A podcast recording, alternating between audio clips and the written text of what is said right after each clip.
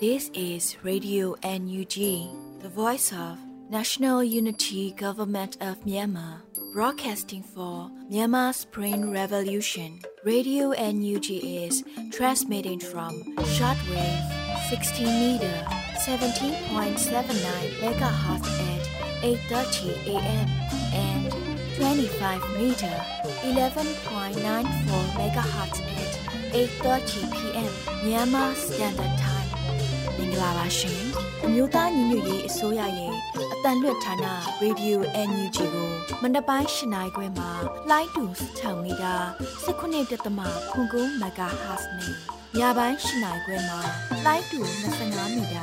17.3ကိုလီမဂါဟတ်စ်တို့မှာဓာတ်ရိုက်ဖမ်းယူနားဆင်နိုင်ပါပြီရှင်။မင်္ဂလာအပေါင်းနဲ့ပြည့်စုံကြပါစေ။အခုချိန်ကစပြီး Radio NUG စီစဉ်လေးကိုဓာတ်ရိုက်အတန်လွှင့်ပေးနေပါပြီ။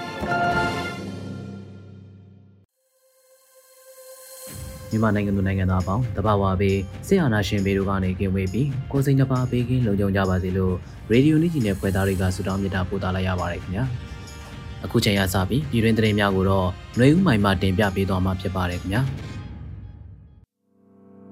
မင်္ဂလာမနက်ခင်းပါရှင်အခုချိန်ကစပြီး2023ခုနှစ်ဒီဇင်ဘာလ12ရက်နေ့မနက်ခင်းပြည်တွင်သတင်းများကိုဖတ်ကြားပေးပါတော့မယ် ကျွန်မຫນွေဦးမိုင်းပါ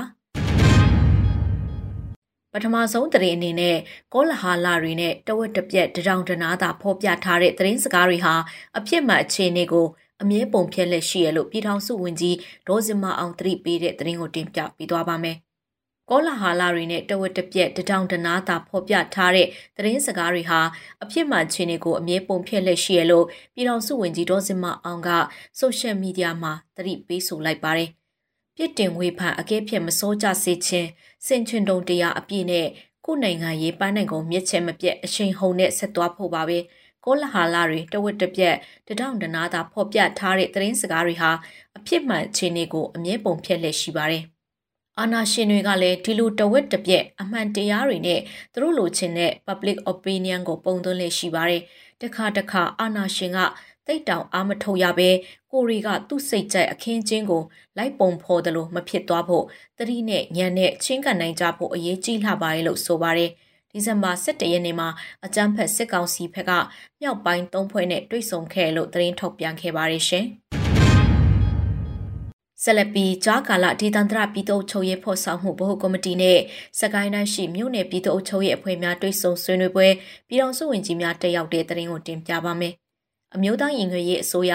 ကြားကာလဒေသန္တရပြည်သူ့ချုပ်ရေးဖော်ဆောင်မှုဗဟိုကော်မတီနဲ့စကိုင်းတိုင်းမြို့နယ်ပြည်သူ့ချုပ်ရေးအဖွဲ့များတွဲဆုံဆွေးနွေးပွဲစီဝေး51မြင်းဆောင်2023ကိုဒီဇင်ဘာ17ရက်ကကျင်းပခဲ့ပါတယ်။အစည်းအဝေးတွင်ဂျာကာလာဒေသန္တရပြည်သူ့ချုပ်ရေးဖော်ဆောင်မှုဗဟိုကော်မတီအဖွဲ့ဝင်အလုသမားဝင်ကြီးဌာနပြည်ထောင်စုဝင်ကြီးနိုင်တုဝနမှအဖွဲ့မှစကားပြောကြားခဲ့ပါတယ်။ ဆက်လက်၍ဝင်ကြီးဌာနများမှလုပ်ငန်းစဉ်များနဲ့ပတ်သက်၍ရှင်းလင်းပြောကြားခဲ့ပြီးမြို့နယ်ပြည်သူ့အချုပ်ရဲ့ဖွဲ့ဝင်များမှမူဝါဒလိုင်းညွှန်ချက်များလုပ်ငန်းဆောင်ရွက်ချက်များမြေပြအခက်ခဲများပေါ်တရှိလိုသည်များကိုမြင်းမြန်ဆွေးနွေးခဲ့ကြ၍ဝင်ကြီးဌာန၏တာဝန်ရှိသူများမှပြန်လည်ဖြေကြားခဲ့ပါတယ်။အစည်းအဝေးသို့ပြည်ထောင်စုဝင်ကြီးများဒုတိယဝင်ကြီးများအမြဲတမ်းအတွင်းဝင်များ တွဲဖက်မြဲတမ်းတွင်းဝင်များဌာနဆိုင်ရာမှတာဝန်ရှိသူများစကိုင်းတိုင်းရှိမြို့နယ်ပြည်သူ့ချုပ်ရဲ့ဖွဲ့ခေါင်းဆောင်များအဖွဲ့ဝင်များတက်ရောက်ခဲ့ကြတယ်လို့သိရရှိပါရရှင်။ပြည်ထနဲ့လူမှုကြီးကြပ်ဝင်ကြီးဌာနနဲ့ပဲခူးတိုင်း၊အေရဝတီတိုင်း၊ရန်ကုန်တိုင်းနဲ့တနင်္သာရီတိုင်းရှိမြို့နယ်ပြည်သူ့ချုပ်ရဲ့ဖွဲ့များတွဲဆုံဆွေးနွေးပွဲကျင်းပတဲ့တဲ့ရင်ကိုဆက်လက်တင်ပြပါမယ်။ အမျိုးသားရင်ငွေရေးအစိုးရပြည်ထောင်နဲ့လူမှုကြီးကြပ်ဝင်ကြီးဌာနနဲ့ပဲခူးတိုင်း၊အီယာဝတီတိုင်း၊ရန်ကုန်တိုင်းနဲ့တနင်္သာရီတိုင်းရှိမြို့နယ်ပြည်သူ့အချုပ်ရဲ့ဖွဲ့များတွေ့ဆုံဆွေးနွေးပွဲအစည်းအဝေး24မြင်းဆောင်2023ကိုဒီဇင်ဘာ17ရက်နေ့မနက်10:00နာရီအချိန်မှာကျင်းပပြုလုပ်ခဲ့လို့သိရပါတယ်။အစည်းအဝေးတွင်ပြည်ထဲနဲ့လူမှုကြီးကြပ်ဝင်ကြီးဌာနတွဲဖက်အမြဲတမ်းအတွင်းဝင်မှအဖွဲ့မှစကားပြောကြားခဲ့ပြီးပြည်သူ့အုပ်ချုပ်ရေးဦးစီးဌာနညွှန်ကြားရေးမှူးချုပ်မှလိုင်းညွှန်ချက်များနဲ့ပတ်သက်လို့ရှင်းလင်းပြောကြားခဲ့ပါတယ်။ ဆက်လက်ပြီးတက်ရောက်လာတဲ့မြို့နယ်ပြည်သူ့အုပ်ချုပ်ရေးဖွဲ့ဝင်များမှမူဝါဒလိုင်းညွှန်ချက်များမြေပြည်အုပ်ချုပ်ရေးဆောင်ရွက်နေမှုများကြုံတွေ့နေရတဲ့အခက်အခဲများကိုမြင်းမြန်ဆွေးနွေးခဲ့ပြီးဝန်ကြီးဌာနတာဝန်ရှိသူများမှပြန်လည်ဖြေကြားပေးခဲ့ပါတယ်။ထို့နောက်ပြည်ထောင်တဲ့လူမှုကြီးကြပ်ဝင်ကြီးဌာနအမြဲတမ်းအတွင်းဝင်မှညီကုန်းချုပ်စကားပြောကြားခဲ့ပြီးအစည်းအဝေးကိုနေ့လယ်7:30မိနစ်အချိန်မှာရပ်နာခဲ့လို့သိရပါတယ်။ အစည်းအဝေးကိုအမြဲတမ်းအတွင်းဝင်တွဲဖက်အမြဲတမ်းအတွင်းဝင်တို့မှဦးဆောင်ကပြည်သူ့ချုပ်ရေးဦးစီးဌာနပြည်သူ့ရဲတပ်ဖွဲ့မိသက်ဦးစီးဌာနလူမှုจิตကြိုက်ဦးစီးဌာနအထူးဆောင်စမ်းထောက်လှမ်းရေးဦးစီးဌာနတို့မှတာဝန်ရှိသူများပဲခူးတိုင်း၊အီယာဝတီတိုင်း၊ရန်ကုန်တိုင်း၊တနင်္သာရီတိုင်းတို့မှမြို့နယ်ပြည်သူ့အုပ်ချုပ်ရေးဖွဲ့ဝင်များတက်ရောက်ခဲ့ကြပါတယ်ရှင်။ မန္တလေးတိုင်းတွင်လွှတ်တော်3ရက်ကိုယ်စားလှယ်များနဲ့မြို့နယ်ပြည်သူ့အချုပ်ရေးအဖွဲ့များတွေ့ဆုံပွဲခုနှစ်မြင်းဆောင်2023ကျင်းပတဲ့တဲ့ရင်ကိုနောက်ထပ်တင်ပြပေးပါမယ်။မန္တလေးတိုင်းလွှတ်တော်3ရက်ကိုယ်စားလှယ်များနဲ့မန္တလေးတိုင်းတွင်မှမြို့နယ်ပြည်သူ့ချုပ်ရဲ့ဖွဲ့များလာဆင်တွေ့ဆုံပွဲခုနှစ်မြင်းဆောင်2023ကိုဒီဇင်ဘာ17ရက်ကကျင်းပခဲ့လို့တင်ရရှိပါရယ်။ အစည်းအဝေးတွင်ပြည်သူ့လွှတ်တော်ကိုယ်စားလှယ် CRPH အဖွဲ့ဝင်ဦးမျိုးနိုင်လူထုတိုက်ပွဲဦးဆောင်သူဒေါက်တာတေဇာဆန်းတို့လည်းပါဝင်တက်ရောက်ခဲ့ကြပြီးလက်ရှိပြည်သူ့နေဦးတော်လှန်ရေးကြီးနိုင်ငံရေးစစ်ရေးမဟာမိတ်ဆက်ဆံရေးနိုင်ငံတကာဆက်ဆံရေးဗန္ဒာရေးလူထုတိုက်ပွဲရေးစိတ်တက်ရေးအစရှိသည့်နေပေကဏ္ဍအသီးသီးနဲ့ပတ်သက်၍ဆွေးနွေးတင်ပြခဲ့ကြပါတယ်ထို့ပြင်ပြည်သူ့ချုပ်ရေးအဖွဲ့မန္တလေးတိုင်း Focal ဖြစ်သူဦးမြင့်အောင်မိုးနဲ့အတူဦးအောင်မျိုးလက် ဦးချမ်းမြေတို့ကလည်းမြို့နယ်ပြည်သူ့အုပ်ချုပ်ရေးအဖွဲ့များ၏ဒေသတွင်ဆောင်ရွက်ရမည့်ရှေ့လုပ်ငန်းစဉ်များကိုဆွေးနွေးတင်ပြပါသည်ဆွေးနွေးချက်များပေါ်တက်ရောက်လာသောကိုယ်စားလှယ်များနဲ့မြို့နယ်ပြည်သူ့အုပ်ချုပ်ရေးအဖွဲ့များကပြန်လည်ဆွေးနွေးမေးမြန်းခြင်းအကြံပြုဆွေးနွေးခြင်းများတာဝန်ရှိသူများမှပြန်လည်ဖြေကြားခြင်းများဆောင်ရွက်ခဲ့လို့တင်ရရှိပါရရှင်။မွန်ပြည်နယ်ရှိရွေးကောက်ခံလွှတ်တော်ကိုယ်စားလှယ်များနဲ့မွန်ပြည်နယ် CDM နိုင်ငံဝန်ထမ်းများကောင်စီတွေ့ဆုံဆွေးနွေးပွဲကိုဆက်လက်တင်ပြပေးပါမယ် မွန်ပြည်နယ်ရှိလွှတ်တော်၃ရက်မှရွေးကောက်ခံလွှတ်တော်ကိုယ်စားလှယ်များနဲ့မွန်ပြည်နယ် CDM နိုင်ငံဝန်ထမ်းများကောင်စီ CCSC မွန်တို့တွဲဆုံဆွေးနွေးပွဲတစ်ခုကို Zoom meeting ဖြင့်ကျင်းပပြုလုပ်ခဲ့လို့ CCSC မွန်ကသတင်းထုတ်ပြန်ထားပါတယ်။ဒီဇင်ဘာ17ရက်နေ့မနက်10:00နာရီအချိန်မှာပြုလုပ်ခဲ့တဲ့အဆိုပါတွေ့ဆုံပွဲကိုမွန်ပြည်နယ်မှအမျိုးသားလွှတ်တော်ကိုယ်စားလှယ်များပြည်သူ့လွှတ်တော်ကိုယ်စားလှယ်များပြည်내လွှတ်တော်ကိုယ်စားလှယ်များနဲ့ CDM နိုင်ငံဝန်ထမ်းများကောင်စီမှကောင်စီဥက္ကဋ္ဌနဲ့ကောင်စီဝင်များအဖွဲ့ဝင်များတက်ရောက်ခဲ့ကြလို့ထုတ်ပြန်ချက်ရသိရပါတယ်။ အဆိုပါတွေ့ဆုံဆွေးနွေးပွဲမှာ CCSC မွန်ရဲ့အထွေထွေတွင်းရေးမှုကကောင်စီစတင်ဖြစ်ပေါ်လာပုံစုဖွဲ့ထားပုံဖွဲ့စည်းပုံရည်ရွယ်ချက်မူဝါဒစံတန်ဖိုးနဲ့မဟာဗျူဟာလုပ်ငန်းစဉ်များကိုရှင်းလင်းတင်ပြခဲ့ပြီးလွှတ်တော်ကိုယ်စားလှယ်များကကောင်စီပေါ်ပေါက်လာမှုကိုကြိုးဆိုကြောင်းအမြဲတမ်းချိတ်ဆက်ဆက်သွယ်နေရန် platform တစ်ခုဆောင်ရွက်ထားစေလိုပါကြောင်းအတူတကွလက်တွဲဆောင်ရွက်နိုင်ဖို့မျှော်လင့်ပါကြောင်းဆွေးနွေးခဲ့ကြလို့သိရပါတယ်။ CCSC မို့အနေဖြင့်လဲချိတ်ဆက်ကူညီဆောင်ရွက်ပေးမှုကိုကျေးဇူးတင်ရှိပါကြောင်းနဲ့ဆက်သွယ် platform တစ်ခုထားရှိဆောင်ရွက်သွားမည်ဖြစ်ပါကြောင်းပြန်လည်ဆွေးနွေးခဲ့ပြီးမှတ်တမ်းတပ်ပုံရိုက်ကူးကတွေ့ဆုံဆွေးနွေးပွဲကိုနေ့လယ်12နာရီခွဲအချိန်တွင်ရပ်နာခဲ့ပါတယ်ရှင်။ဆလပီရွှေဘုံမြို့နယ်တွင်ရက်ကြီးပြည်သူ့အုပ်ချုပ်ရေးဖွဲ့အားပထမဆုံးမဲစနစ်ဖြင့်ရွေးချယ်ဆောင်ရွက်တဲ့သတင်းကိုတင်ပြပါမယ်။စကိုင်းတိုင်းရွှေဘုံမြို့နယ်အတွင်းကကျေးရွာတစ်ခုတွင် ရက်ကျေပြည်သူ့အုပ်ချုပ်ရေးအဖွဲ့ဖွဲ့စည်းခဲ့ရာပထမဆုံးအကြိမ်အဖြစ်မဲစနစ်နဲ့ရွေးချယ်ဆောင်ရွက်ခဲ့လို့ရွှေဘုံမြို့နယ်ပပဖွဲ့ထံကသိရပါဗျ။အဆိုပါရက်ကျေပြည်သူ့အုပ်ချုပ်ရေးအဖွဲ့ရွေးချယ်ပွဲကိုကျေးရွာတွင်ရှိပြည်သူအင်အား929ဦးတက်ရောက်မဲပေးခဲ့ကြလို့ဆိုပါတယ်။အမျိုးသားညီညွတ်ရေးအစိုးရဂျာကာလာဒေသန္တရပြည်သူ့ချုပ်ရေးဗဟိုကော်မတီမှချမှတ်ထားတဲ့မူဝါဒလမ်းညွှန်ချက်များနဲ့အညီပြည်သူလူထု၏အသက်အိုးအိမ်စီစဉ်ကိုအကာအကွယ်ပေးနိုင်ရန် ကာကွယ်ရေးအုပ်ချုပ်ရေးပြည်သူ့ဝန်ဆောင်မှုလုပ်ငန်းများတရားဥပဒေစိုးမိုးရေးလုပ်ငန်းများစနစ်တကျဆောင်ရွက်သွားရအတွက်ကျေးရွာများတွင်ရက်ကျေးပါအဖဖွဲ့များဖွဲ့စည်းဆောင်ရွက်ပေးနေရလို့ပြည်ထရေးဝန်ကြီးဌာနကထုတ်ပြန်ထားပါတယ်ရှင်။တထုံဘီလင်းလမ်းပိုင်းတွင်စစ်တပ်ရိတ်ခါရင်နှန်းကိုနှစ်ရက်စစ်တိုက်တက်ခိုက်မှုစစ်သား20ကျော်တိတ်ဆုံးတဲ့တဲ့ရင်ကိုဆက်လက်တင်ပြပါမယ်။ မွန်ပြည်နယ်အတွင်းမှာရှိတဲ့တထုံဘီလင်းလိုင်းပိုင်းမှာစစ်တပ်ရစ်ခါတင်ရင်နှန်းကိုနှစ်ရက်စစ်တပ်တိုက်ခိုက်ခဲ့ရာစက်ကောင်စီတပ်ဖွဲ့ဝင်20ကျော်သေဆုံးသွားတယ်လို့ဒေသတော်လှန်ရေးအဖွဲ့တွေကပြောပါရယ်ဒီဇင်ဘာလ9ရက်နေ့ည8နာရီခွဲအချိန်ကအကြမ်းဖက်စစ်ကောင်စီတပ်ဖွဲ့ဝင်တွေနဲ့ရိတ်ခါတွေတေဆောင်လာတဲ့ရင်နှန်းကိုမိုင်းဆွဲခဲ့ပြီး40မမ RPG 79ပစ်ခတ်တိုက်ခိုက်ခဲ့ရမှာကားတစ်စီးပျက်စီးခဲ့လို့သိရပါတယ်။ဒီဇင်ဘာလ10ရက်နေ့မနက်10:45မိနစ်ဝန်းကျင်မှာလဲအဆိုပါစစ်ရင်တန်းကိုလက်နက်ကြီးလက်နက်ငယ်တွေနဲ့ပစ်ခတ်တိုက်ခိုက်ခဲ့ရာစစ်ကောင်စီတပ်ဖွဲ့ဝင်20ကျော်သေဆုံးခဲ့လို့ဒေသတော်လှန်ရေးအဖွဲ့တွေကတည်ပြီးထားပါတယ်။အဆိုပါတိုက်ခိုက်မှုတွေကိုတထုံခရိုင်တပ်မဟာ1 KNU KNL တပ်ရင်းနှင့်တပ်ခွဲ3မြေပြင်ပူးပေါင်းအဖွဲ့တွေပူးပေါင်းတိုက်ခိုက်ခဲ့ရလို့ တပင်ရွှေထီစစ်ကြောင်းနဲ့ Hawk Revolution Square HRS တို့ကထုတ်ပြန်ထားပါတယ်ရှင်။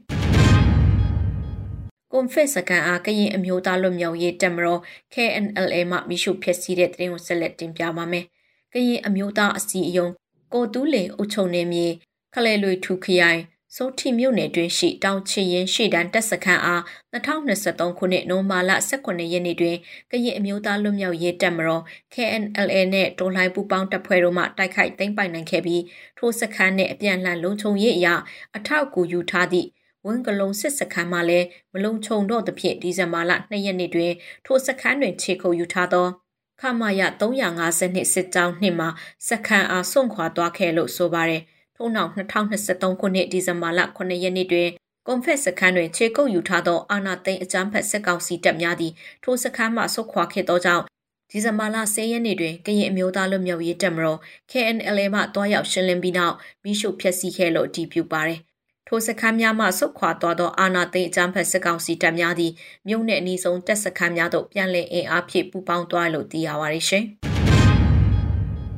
အီတလီနိုင်ငံမီလန်မြို့တွင်အပြည်ပြည်ဆိုင်ရာလူခွင့်ရင်းနှင့်အထိမ်းအမှတ်ဖြင့်ကမ္ဘာလုံးဆိုင်ရာနှွေဦးတော်လှန်ရေးဆန္ဒပြပွဲကိုအီတလီရောက်မြန်မာပြည်ဖွာတိုင်းသားမိသားစုများကလှုပ်ရှားတဲ့တဲ့ရင်ကိုနောက်ဆုံးတင်ပြပေးသွားပါမယ်။ဒီဇင်ဘာလ10ရက်နေ့အီတလီနိုင်ငံမီလန်မြို့တွင်အပြည်ပြည်ဆိုင်ရာလူခွင့်ရင်းနှင့်အထိမ်းအမှတ်ဖြင့်အခြေခံလူခွင့်ရင်းများဆိုဝါစွာချိုးဖောက်ခံရသောမြန်မာပြည်သူပြည်သားများအတွက်ကမ္ဘာလုံးဆိုင်ရာနှွေဦးတော်လှန်ရေးဆန္ဒပြပွဲကိုအီတလီရောက်မြန်မာပြည်ဖွာတိုင်းသားမိသားစုများက ပြုလုပ်ခဲ့လို့သိရပါတယ်။မြန်မာနိုင်ငံတွင်မတရားအာဏာလို့စစ်အုပ်စုမှစိုးရွားစွာကျူးလွန်လှည့်ရှိသောလူခွင့်ရေးချိုးဖောက်မှုများကိုချက်ချင်းရတရန်မတရားဖမ်းဆီးခံနိုင်ငံရေးအကျဉ်းသားများချက်ချင်းလွတ်မြောက်ရန်နဲ့စစ်မိတ်ဆာများ၏ဥပဒေမဲ့လူစိတ်မဲ့ကျူးလွန်နေသောမတရားမှုများအားပြည်တွင်းပြည်ပအတူတကွဖော်ထုတ်ခါတော်လှန်အောင်မြင်သည့်ထိတွန်းလှန်သွားကြမည်ဖြစ်ကြောင်းဆန္ဒဖော်ထုတ်ခဲ့ကြပါသည်။ မျိုးဆက်သုံးဆက်တိုင်းသာမြန်မာပြည်တွင်မိခိုနေထိုင်ကြသူတိုင်းအားရုံညံ့ရက်ဆက်သည့်နီလန်မျိုးစုံအုံပြုကကျွံပြုတ်ချင်နေသည့်စေအုပ်စုအပေါင်းပါများကြောင့်နှုတ်ဆက်ငိမ့်သက်သွားမည်မဟုတ်ပဲတမိုင်းပေးတာဝန်ခြေပွန်စွာဖြင့်ရောက်ရှိရာမိတိဒေတာမှမဆိုတိုင်းသားပြည်သူများနဲ့အတူစစ်အာဏာရှင်စနစ်ကိုအမြင့်ပြတ်တွန်းလှန်သွားမှာဖြစ်တယ်လို့ဆိုပါရရှင်။အခုတင်ပြခဲ့တဲ့သတင်းတွေကို Radio UNG သတင်းထောက်ကိုခန့်နဲ့မင်းစစ်သွေးတို့ကပေးပို့ထားတာဖြစ်ပါရရှင်။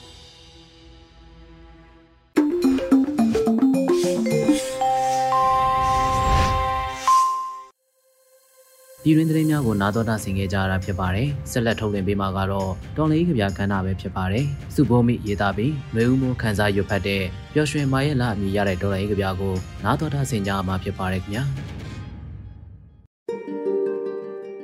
မေကွန်းကနိုင်ငံတော်နဲ့ဆိုင်လာပြီ။မပျော်ပါနိုင်သောနှလုံးသားများနဲ့မရွှင်လန်းလိုသောခန်းစားချက်များကသာလိုအပ်သောတယံစာတတွေဖြစ်ခဲ့ပြီ ရရှိထားသောအောင်မြင်မှုတွေဖြစ်ခဲ့ပြီးချစ်ချင်းကိုဆက်လက်ထွန်းညှိဖို့လောင်စာတွေဖြစ်ခဲ့ပြီပျော်ရွှင်ပါရဲ့လားပျော်ရွှင်လျက်ပါဆိုရင်ဖြစ်အရာရာစီကနှုတ်ထွက်လိုက်ပါရစေခွဲတန်းတစ်ခုလိုရယူခဲ့ရတဲ့မျက်ရည်ဆက်လက်ရန်ရာကြီးကိုနှလုံးရည်ရေချိန်နဲ့သာမနာရန်မောင်းနေရအောင်မမို့ခမရလဲလေးလံခွင့်ရှိပါတယ် အငိုအားလုံးဆုံးသွားတဲ့တနေ့မမေ့သေးတဲ့ရှင်တန်မှုမျိုးနဲ့ပြန်ဆုံကြတဲ့အခါအရင်ဆုံးပြုံးပြဖို့သာဆန္ဒပြုထားခဲ့ပါမယ်လက်သီးစုပ်ထဲမှာထည့်ထားသမျှကျက်ဆက်နာကျင်မှုတွေကြီးပဲမှုလေပြင်းတစ်ချက်လဲအထိမခံနိုင်တာကိုနားလဲပါကြကြနနပတ်သက်ထားရတဲ့အော်နှလုံးနာစရာကာလကြီးထဲမှာကျင်နာပွဲစကားမဆိုဖြစ်တာကိုလည်း ခွင့်လွတ်ပါစုပိုးမိ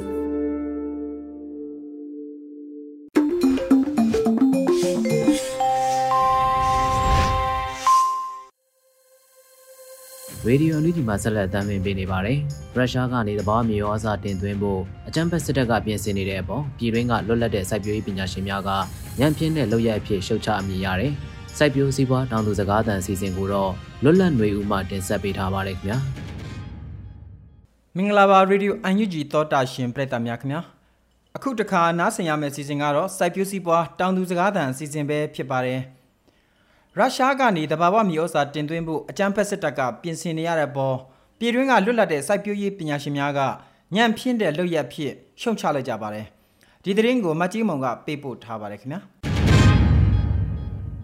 ဓာတ်မြေဩစာတွေဈေးနှုန်းကြီးမြင့်လာတာကိုအကြောင်းပြပြီးတော့ပြည်တွင်းကလေယာဘေးအတွက်ပစ္စည်းများနဲ့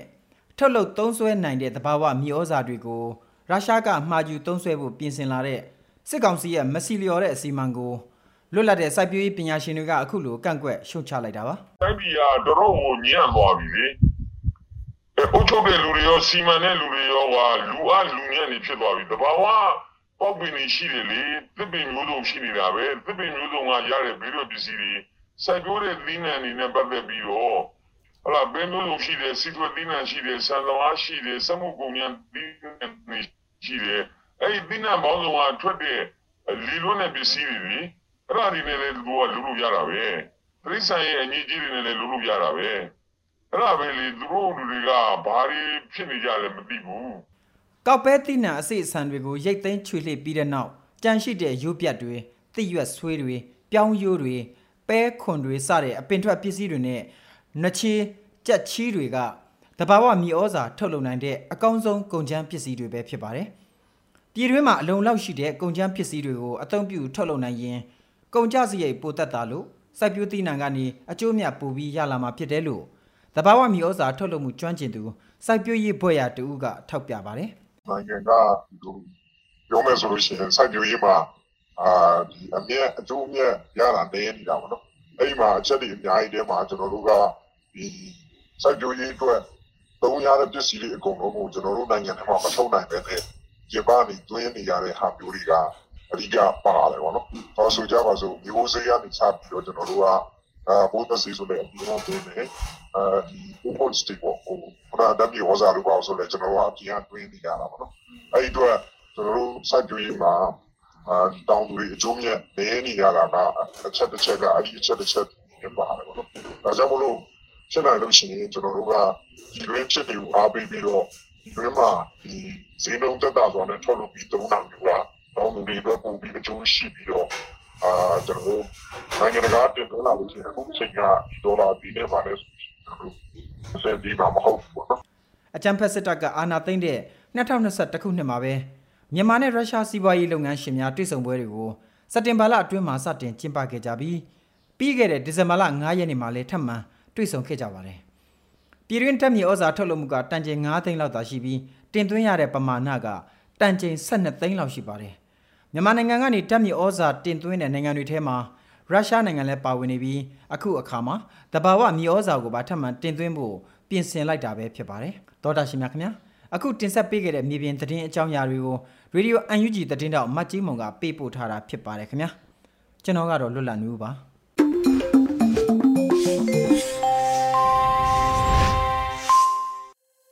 နာတော်တာရှင်မိဘပြည်သူများအတွက်ဆက်လက်ထုတ်လွှင့်ပေးမှာကတော့တော်လိုင်းတေဂီတာစီစဉ်ပဲဖြစ်ပါတယ်။တောင်းရည်သားပြီးကိုယ်တိုင်တည်ဆိုထားတဲ့ညများ nice အမည်ရတဲ့တော်လိုင်းတေဂီတာကိုနာတော်တာဆင်ကြားမှာဖြစ်ပါတယ်ခင်ဗျာ။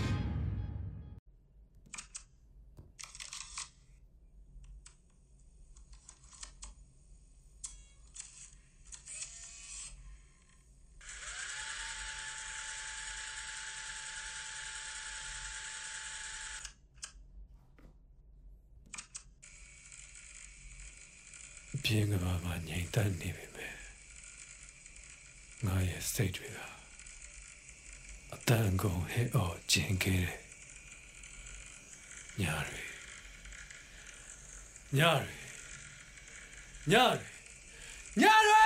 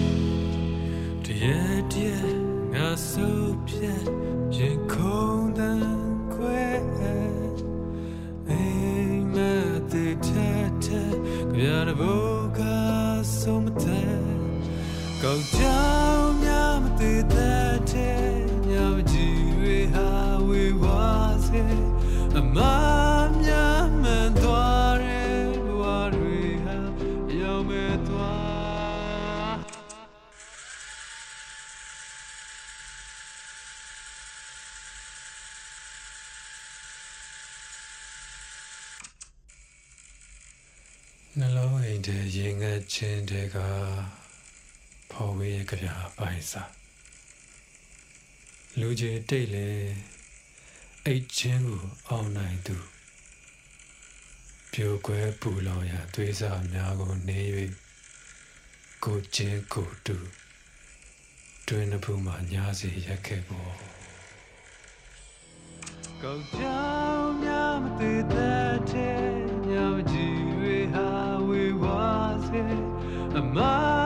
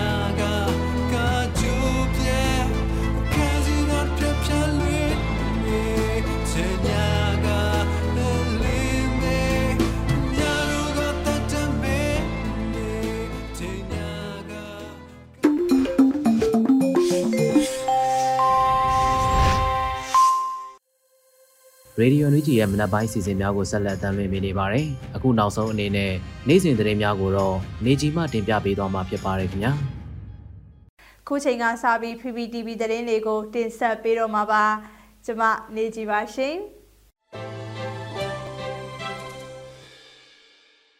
ပရမဆုံးတင်ဆက်ပေးမယ့်သတင်းကတော့ CRPH နဲ့မြန်မာမျိုးသမီးလွှတ်တော်ကိုယ်စားလှယ်များကွန်ရက် MWPN တို့အကြားဒုတိယကြိမ်တွေ့ဆုံဆွေးနွေးတဲ့သတင်းမှာ ပြည်အောင်စုလွှတ်တော်ကိုစားပြုကော်မတီ CRPH ရဲ့အမျိုးသမီးလူငယ်နဲ့ကလေးသူငယ်ရေးရာကော်မတီနဲ့မြန်မာမျိုးသမီးလွှတ်တော်ကိုယ်စားလှယ်များကွန်ရက် MWPN တို့အကြားဒုတိယအကြိမ်တွေ့ဆုံဆွေးနွေးမှုကိုဒီဇင်ဘာလ9ရက်နေ့မှာဗီဒီယိုကွန်ဖရင့်ကနေတဆင့်ပြုလုပ်ခဲ့ကြပါတယ်။ အစည်းအဝေးမှာမြို့သမီးလူငယ်နဲ့ကလေးသူငယ်ရေးရာကော်မတီကမြို့သားညီညွတ်ရေးဆိုရာဝင်ကြီးဌာနများရေးရာကော်မတီများပြည်ပအဖွဲ့အစည်းများပြည်တွင်းပြည်ပအလူရှင်များနဲ့ချိတ်ဆက်ပြီးအမရကအကူအညီလိုအပ်နေတဲ့စစ်ပေးရှောင်မြို့သမီးလူငယ်များနဲ့ကလေးသူငယ်များကိုဝင်ဆောင်တဲ့နိုးတိုင်းမိခင်များနိုင်ငံရေးကျင်းသားများအတွက်လူသားချင်းစာနာထောက်ထားမှုကူညီပေးအပ်နေမှုများ သက်ဆိုင်ရာဥပဒေ၊ဤဥပဒေမူဝါဒများအပေါ်သုံးသပ်ဆွေးနွေးမှုများနဲ့ရှေ့လုပ်ငန်းစဉ်များအားရှင်းလင်းတင်ပြခဲ့ရာတက်ရောက်လာသူများကသိရှိလိုတာတွေကိုမေးမြန်းခဲ့ကြပါတယ်။အဲဒီနောက်မြန်မာမျိုးသမီးလွှတ်တော်ကိုယ်စားလှယ်များကွန်ရက်မှတာဝန်ရှိသူများကကွန်ရက်ရဲ့ရှေ့ဆက်လှုပ်ဆောင်မဲ့လုပ်ငန်းစဉ်တွေကိုရှင်းလင်းတင်ပြခဲ့ပါတယ်။ဒါအပြင်ဆွေးနွေးပွဲမှာနှစ်ဖက်ပူးပေါင်းဆောင်ရွက်နေမှုအနေဖြင့်မတန်ဆွမ်းသူများအခွင့်အရေးဥပဒေဆွေးနွေးမှုလုပ်ငန်းများ တော်လိုင်းရေးအတွက်မြေပြင်မှာဖြတ်တန်းနေရတဲ့အမျိုးသမီးများရဲ့အခက်အခဲများစိန်ခေါ်မှုများအတွက်ဖြည့်ရှင်းဆောင်ရွက်ပေးနိုင်ရေးလုပ်ငန်းများနိုင်ငံတကာဖိုရမ်များတက်ရောက်ပြီးပူးပေါင်းချိတ်ဆက်မှုများပြုလုပ်နိုင်ရတဲ့အချင်းချင်းကြားမှာပုံမှန်တွဲဆုံမှုများပြုလုပ်ကြရန်ထည့်သွင်းဆွေးနွေးခဲ့ကြပါတယ်။အစည်းအဝေးကိုမျိုးသမီးလူငယ်နဲ့ခလေးသူငယ်ရေးရာကော်မတီဥက္ကဋ္ဌနဲ့အဖွဲ့ဝင်များ မြန်မာမျိုးသမီးလွှတ်တော်ကိုယ်စားလှယ်များကွန်ရက်မှအဖွဲ့ဝင်များတက်ရောက်ခဲ့ကြတယ်လို့ပြည်အောင်စုလွှတ်တော်ကိုစားပြုကော်မတီကသတင်းထုတ်ပြန်ထားပါတယ်။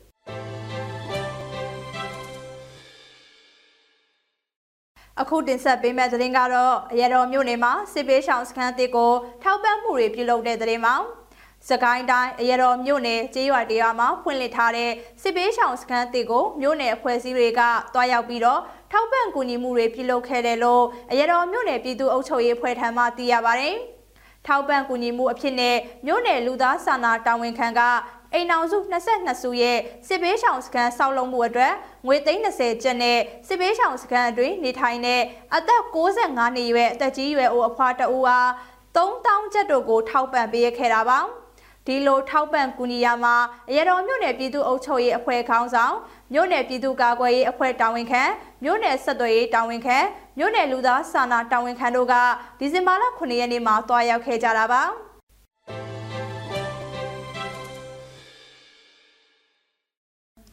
ထပ်မံတင်ဆက်ပေးမယ့်သတင်းကတော့နန်းဆန်နဲ့လာရှိုးကအကြမ်းဖက်စေအုပ်စုတပ်စခန်း၄ခုကို TNN နဲ့ထပ်မံသိမ်းပိုက်လိုက်တဲ့သတင်းမှာ ရှမ်းပြည်နယ်မြောက်ပိုင်းတအောင်းဒေသနန်းဆန်နဲ့လာရှိုးမြို့နယ်ကအကြမ်းဖက်စေအုပ်စုတပ်စခန်း၄ခုကိုထပ်မံသိမ်းပိုက်ရရှိခဲ့တယ်လို့ TNN ကဒီကနေ့မှသတင်းထုတ်ပြန်လိုက်ပါတယ်။တအောင်းပြည်နယ်မှာ TNN ဖော်ဆောင်နေတဲ့တစ်တုံညာနှစ်ခွန်စစ်စင်ရဲရဲ့ဒီဇင်ဘာလ17ရက်နေ့မနက်ခင်းတိုက်ပွဲသတင်းထုတ်ပြန်ချက်မှာအဲ့ဒီလိုအတည်ပြုထုတ်ပြန်ခဲ့တာပါ။ နန်းဆန်မြို့နယ်အကြမ်းဖက်စစ်တပ်ရဲ့ဗရမ ्या စီဒီကောင်းမှုဆိုင်စခန်းနဲ့နိုင်ဆန်ရဲစခန်းကိုဒီကနေ့မနက်9နာရီကျော်မှာ TNN ကတိုက်ဖိုက်သိမ်းပိုက်နိုင်ခဲ့တာပါ။ အလားတူဒီဇင်ဘာလ10ရက်နေ့ကလည်းနန်းဆန်မြို့နယ်နန်းခဲကျေးရွာရှိအကြမ်းဖက်စစ်တပ်ကကတိုင်းဖို့တောင်တက်စခန်းကိုတိမ့်ပိုက်ရရှိခဲ့တယ်လို့အဲ့ဒီစခန်းတိမ့်တိုက်ပွဲကနေအကြမ်းဖက်စီအုပ်စုရဲ့80မမ60မမလက်နက်ကြီးအပါအဝင်လက်နက်16လက်ကြီးအမျိုးစုံနဲ့စစ်သုံးဆောင်ပစ္စည်းတွေတင်စီရမိခဲ့တာပါဒါအပြင်လာရှိုးမြို့နယ်အီနိုင်ကျေးရွာရှိအကြမ်းဖက်စစ်ကောင်စီကင်းစခန်းကိုဒီကနေ့မနက်3နာရီခွဲမှာလဲ တအောင်းတမတော် TNN တွေကရှင်းလင်းသိပ်ပိုက်ရရှိခဲ့တယ်လို့ဖော်ပြထားပါတယ်။တောင်တမတော် TNN DPN နဲ့ပူပေါင်းတပ်တွေနဲ့အကြမ်းဖက်စစ်တပ်တို့အကြားတီဘောမြို့နယ်စံဖိတ်ကျေးရွာဘက်မှာလည်းမနေ့ကညပိုင်းကတိုက်ပွဲတွေဖြစ်ပွားခဲ့ပါသေးတယ်။နန်ခမ်းမြို့နယ်စစ်တရဲ့စကန်းတစ်ကုန်းဘက်မှာလည်းအကြမ်းဖက်စီအုပ်စုဘက်ကလည်းမနေ့ကညတကောင်ရဲမှာဂျဖိုက်တာ၄ချိန်နဲ့ပြစ်ကူပေးခဲ့သလိုဒီကနေ့မနက်9နာရီခွဲမှာလည်းဖျက်အားပြင်းပေါင်900ပုံနဲ့2ချိန် ထပ်မံလာရောက်ပြစ်ကူပေးခဲ့တိုက်ခိုက်မှုတွေပြုလုပ်ခဲ့တယ်လို့ဆိုပါတယ်။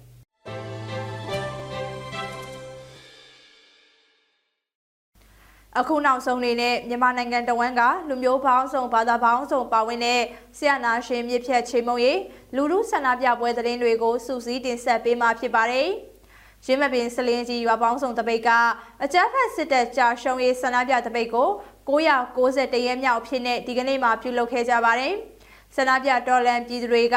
ရွာပေါင်းစုံလူလူတပိတ်ဦးဆောင်ကော်မတီဆိုတဲ့စာသားကိုကန်ဆောင်ပြီးအကြမ်းဖက်စစ်တပ်ကြာရှုံးရေးဟစ်ကြွေးမှုတွေနဲ့ပြုလုပ်ခဲ့ကြတာပါစကိုင်းတိုင်းလက်ပလောင်းတောင်ဒေသခံပြည်သူတွေက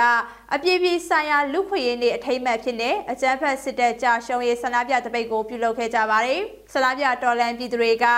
ငါတို့အနာဂတ်ဖြစ်တဲ့ကလေးတွေမှာအိမ်မရှိဘူး၊ကြောင်းမရှိဘူး၊ဘုံခိုခြင်းတွေနဲ့ကယ်ဆယ်ရေးစခန်းတွေသာရှိတယ်ဆိုတဲ့စာသားကိုကင်ဆွဲပြီးဆန္ဒပြချီတက်ခဲ့ကြတာပါ။စကိုင်းတိုင်းရင်းမပင်မြို့နယ်ရဲ့အောင်လန်လွှင့်မီထောင်းသွင်းသည့်တပိတ်စစ်ကြောင်းကလည်းအကြမ်းဖက်စစ်တပ်ကြာရှုံးရေးဆန္ဒပြတပိတ်ကိုဒီကနေ့မှပြုလုပ်ခဲ့ကြပါတယ်။ဆန္ဒပြတော်လန်ပြည်သူတွေကအောင်လန်လွှင့်မီထောင်းသွင်းသည့်တပိတ်စစ်ကြောင်းဆိုတဲ့စာသားကိုကင်ဆောင်ကအကြမ်းဖက်ဆီယာနာရှင်မြစ်ဖြတ်ချင်းမုံရေးချီတက်ဆန္ဒပြခဲ့ကြတာပါ။ ဒေသခံတော်လန်ပြည်သူတွေကနေမြေမငြိမ်သက်မှုတွေကြားတွေကပြီးအကြမ်းဖက်စစ်တပ်ကြာရှုံးရေးဆန္ဒပြတပိတ်ကိုနေ့စဉ်ပြုလုပ်နေကြတာပါဒီကနေ့ကတော့ဒီညနေပဲ Radio NUG ရဲ့အစီအစဉ်လေးကိုခေတ္တရ延လိုက်ပါမယ်ရှင်မြန်မာစံတော်ချိန်မနေ့၈နိုင်ခွဲနဲ့ည၈နိုင်ခွဲအချိန်တွေမှာပြောင်းလဲဆိုပြကြပါလို့ရှင် Radio NUG ကို မနက်ပိုင်း၈နိုင်ခွဲမှာလိုင်းတူ16မီတာ19တက်တမခုကူမဂါဟတ်နဲ့ညပိုင်း၈နိုင်ခွဲမှာလိုင်းတူ25မီတာ17တက်တမ94မဂါဟတ်တို့မှာဓာတ်ရိုက်ဖမ်းယူနားဆင်နိုင်ပါပြီရှင်မြန်မာနိုင်ငံသူနိုင်ငံသားများကိုစိတ်နှဖျားစမ်းမချမ်းသာလို့ဘေးကင်းလုံခြုံကြပါစေလို့ Radio NUG ရဲ့ဖွဲ့သူဖွဲ့သားများကဆုတောင်းလိုက်ရပါတယ်။ San Francisco Bay Area အခြေစိုက်မြန်မာမိသားစုများနိုင်ငံတကာကစေတနာရှင်များလိုအားပေးများရဲ့ Radio NUG ဖြစ်ပါတယ်ရှင်။အရေးတော်ပုံအောင်ရမည်။